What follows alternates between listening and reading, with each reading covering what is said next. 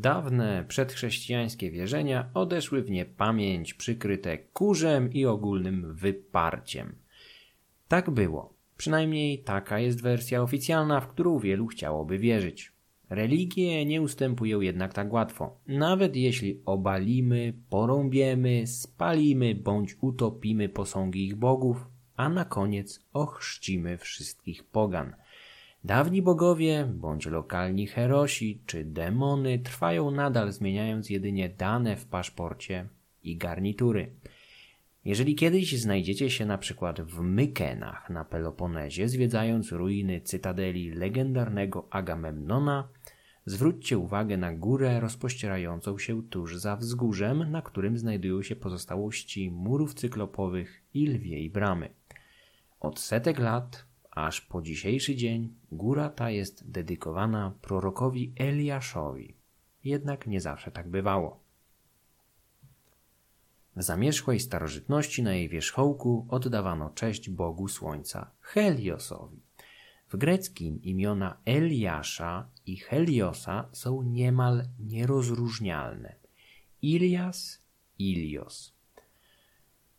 Wraz z chrystianizacją dawni bogowie olimpijskiego panteonu zmienili nieznacznie swoją powierzchowność, ale często przetrwali tam, gdzie byli, chociaż zamiast ofiar całopalnych muszą zadowolić się teraz zapachem kadzideł.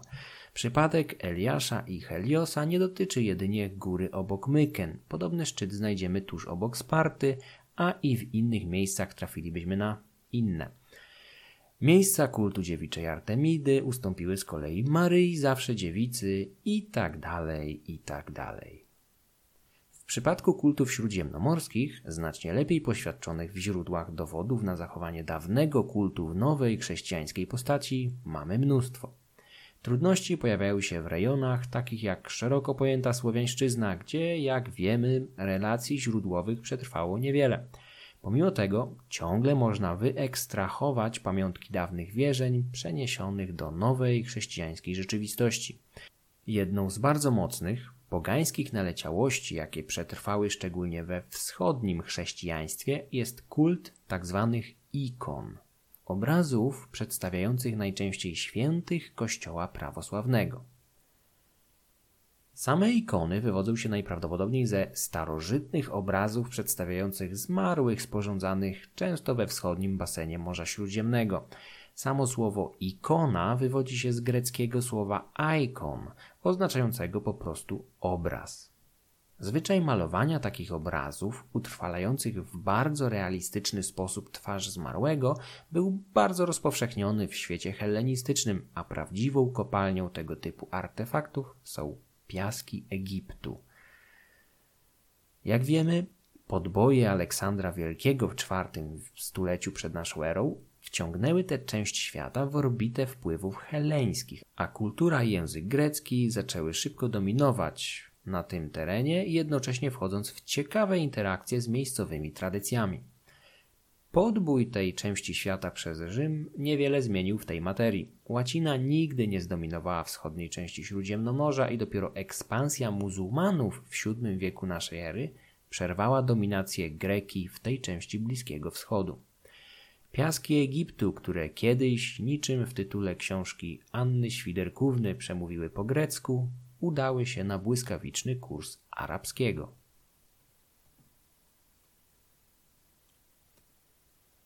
Ikony przetrwały pomimo licznych geopolitycznych perturbacji, stając się nieodłączną częścią kultury bizantyjskiej, z czasem przyczyniając się do poważnych perturbacji polityczno-religijnych znanych pod nazwą ikonoklazmu.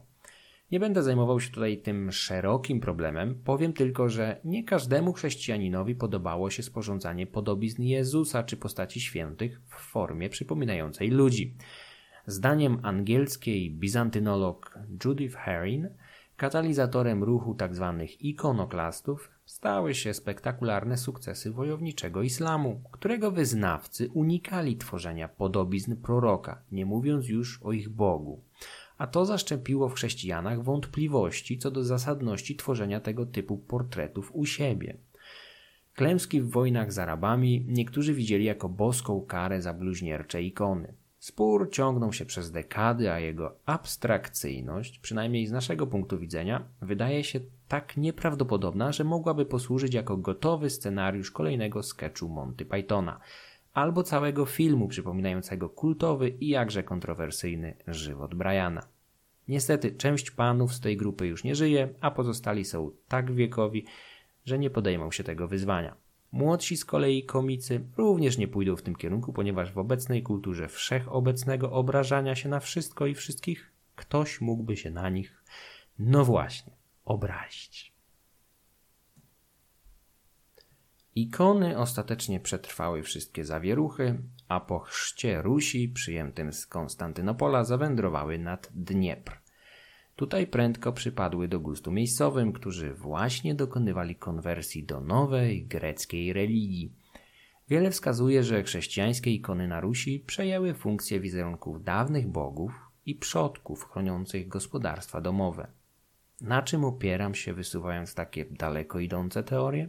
Najobszerniejszą pracą poświęconą w pewnej mierze temu zjawisku jest opublikowana w latach 80. książka rosyjskiego filologa Borysa Uspieńskiego, którą wydano u nas pod niezbyt adekwatnym do zawartości tytułem Kult świętego Mikołaja na Rusi.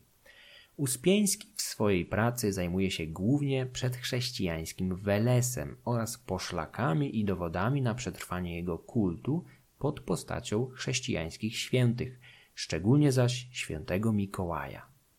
Książkę Uspieńskiego wydał Katolicki Uniwersytet Lubelski, stąd jak mniemam, tytuł musiał być taki, a nie inny.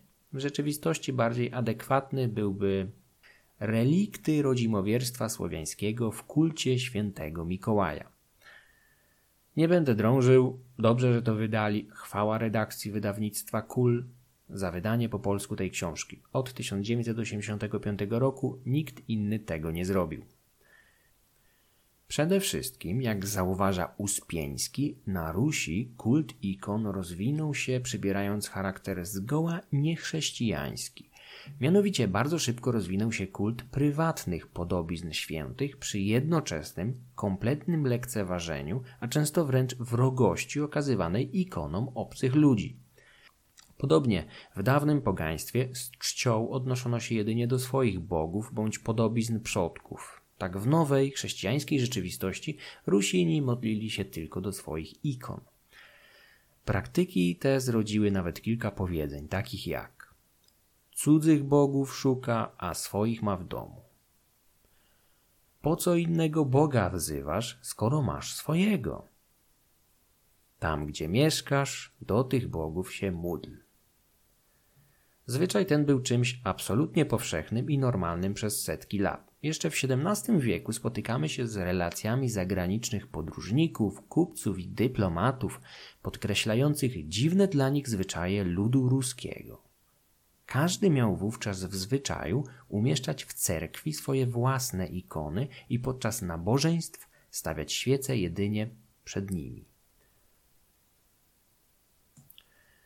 Do kuriozalnych sytuacji dochodziło, gdy właściciel ikony zastawał przed nią kogoś obcego. Podobny proceder był traktowany jako szczególne wykroczenie i osoba, która pozwoliła sobie na palenie świec bądź modlitwy przed podobiznami obcych bogów, musiała się wykupić po tym wykroczeniu. Co ciekawe, duchowieństwo również podtrzymywało te praktyki. Gdy jeden z wiernych na skutek przewinień podlegał wyłączeniu z kościoła, podobny los spotykał również jego ikonę, którą wynoszono z cerkwi, a właściciel musiał zabrać ją do siebie. Zwyczaje te zrodziły daleko idące lekceważenie ikon cerkiewnych, przed którymi nikt praktycznie się nie modlił. Z czasem wśród wyższych hierarchów Kościoła prawosławnego zrodziła się krytyka tego procederu. W połowie XVII wieku Stefan, arcybiskup Suzdala, nazwał zwyczaj oddawania czci tylko swoim obrazom świńską herezją. W 1667 roku synod moskiewski oficjalnie zakazał zwyczaju w uchwale mówiącej, co następuje. Doszła do nas i ta wiadomość, a nawet nam samym zdarzyło się widzieć, że tutaj weszło w zwyczaj nieprzystojny, iż parafianie swoje domowe ikony do cerkwi przynoszą i gdzie kto chce, tam je stawia.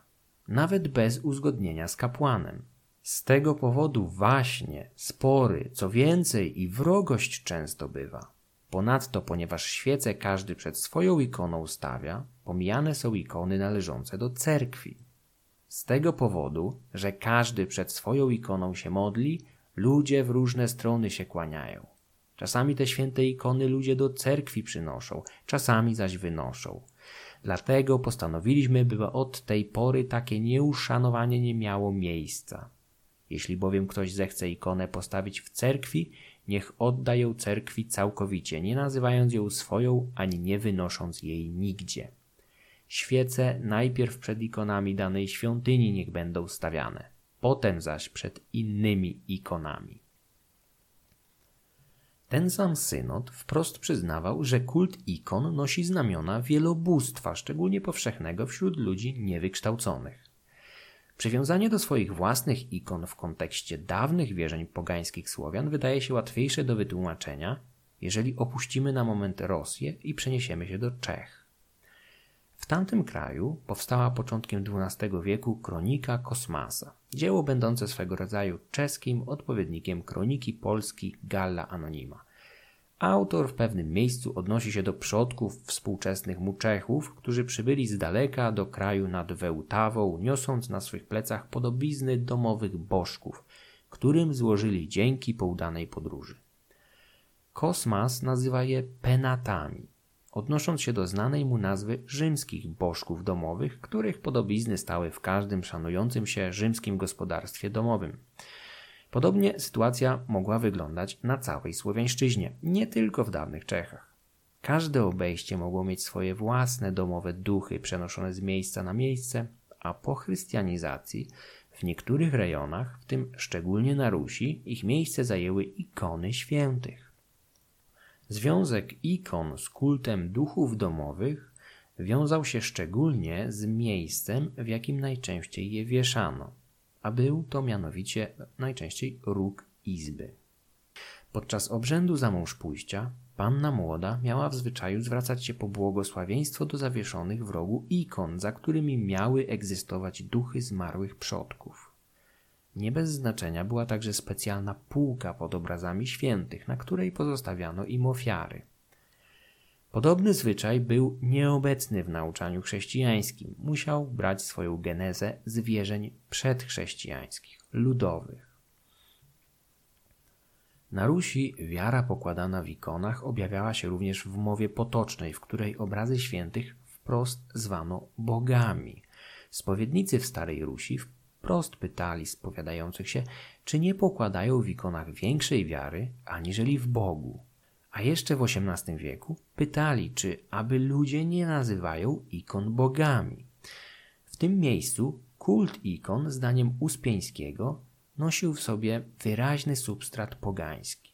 Jeden z angielskich podróżników odwiedzających Rosję w XVI wieku zanotował, że w całym kraju nie ma ani jednego nauczyciela, który by pouczał naród. Także na pytanie, ilu jest bogów, Wielu, w tym większość biedoty, odpowiedziałoby bardzo dużo, gdyż oni uważają za Boga każdy znajdujący się u nich obraz. Obok kultu ikon w dawnej Rosji rozwinął się również wielce ciekawy zwyczaj wymierzania im kary w przypadku, gdyby zawiodły oczekiwania swoich właścicieli. Szczególnie liczne przypadki karania spotykały świętego Mikołaja. Pewien Włoch zanotował w połowie XVII wieku oryginalne zachowanie carskich posłów, których obserwował w Livorno. Mianowicie mieli oni przybyć razem z popem, który nigdy nie rozstawał się z noszonym na szyi panagiarem, czyli naczyniem do przenoszenia prosfory. Prosfora jest pieczywem wytwarzanym z mąki, wody, soli i zakwasu, używanym w kościele prawosławnym w obrzędzie przeistoczenia.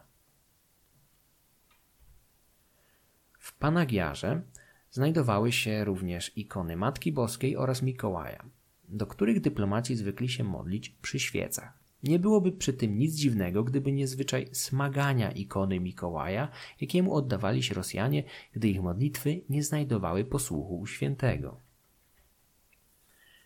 Podobne relacje obcokrajowców bądź wykształconych Rosjan podróżujących po rosyjskiej prowincji przekazują nam, że ikony świętego Mikołaja często widziano odwrócone twarzą do ściany, co oznaczało ni mniej, ni więcej karę, jaka spotkała go w zemście za niewysłuchane modlitwy. Ludzie z pospólstwa nigdy nie ukrywali powodów takiego, a nie innego traktowania ikon. Uważali za coś absolutnie normalnego powieszenie obrazu w odwrotną stronę, co świętemu miało dać do zrozumienia, że kiepsko wywiązywał się z pokładanych w nim nadziei.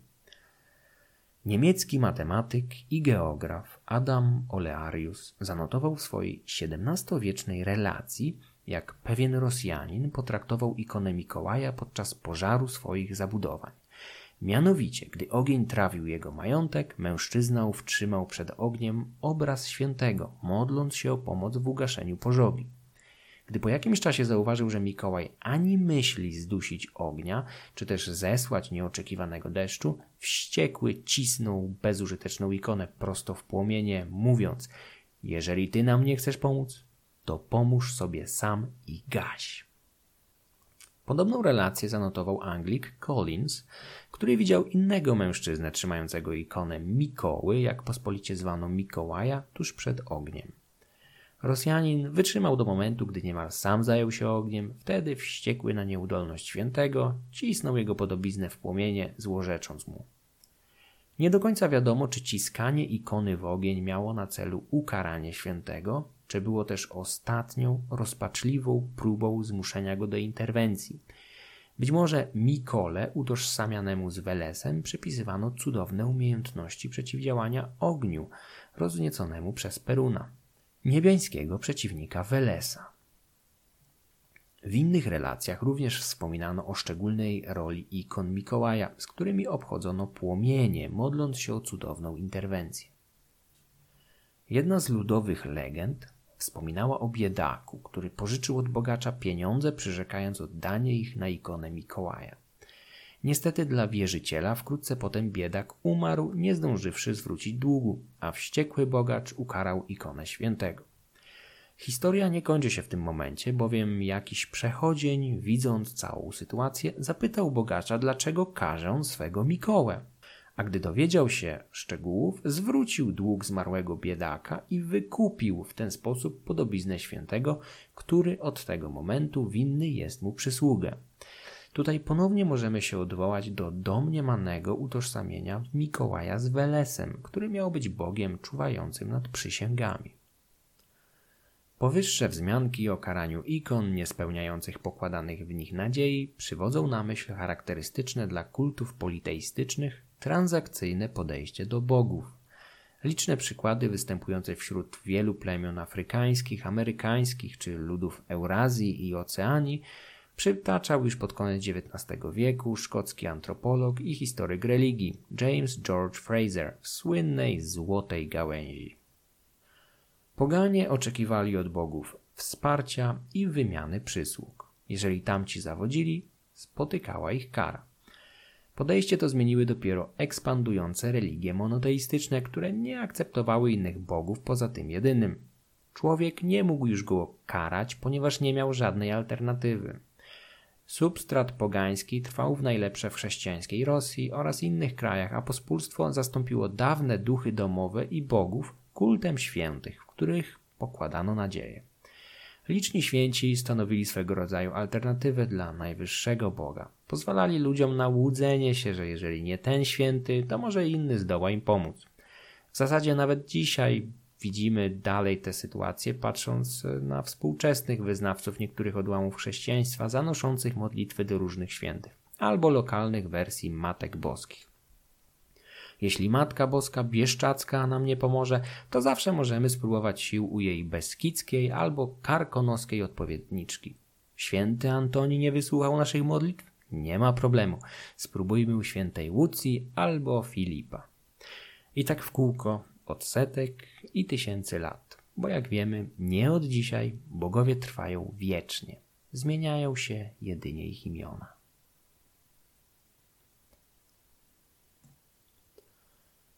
Chciałbym z całego serca podziękować wszystkim patronom tego podcastu, dzięki którym powstaje więcej dłuższych odcinków. Szczególnie zaś patronom w randze Peruna i Welesa. Filipowi, Mateuszowi, Piotrowi, Krzysztofowi, Pawłowi, Maciejowi, Rafałowi, Adzie. Słuchacze mogą dobrowolnie wspierać ten podcast poprzez Patronite. Link jak zawsze w opisie odcinka. Za wsparcie w każdej wysokości jeszcze raz dziękuję. Przygotowaniu odcinka szczególnie pomocna była książka Kult świętego Mikołaja na Rusi autorstwa Borysa Uspieńskiego.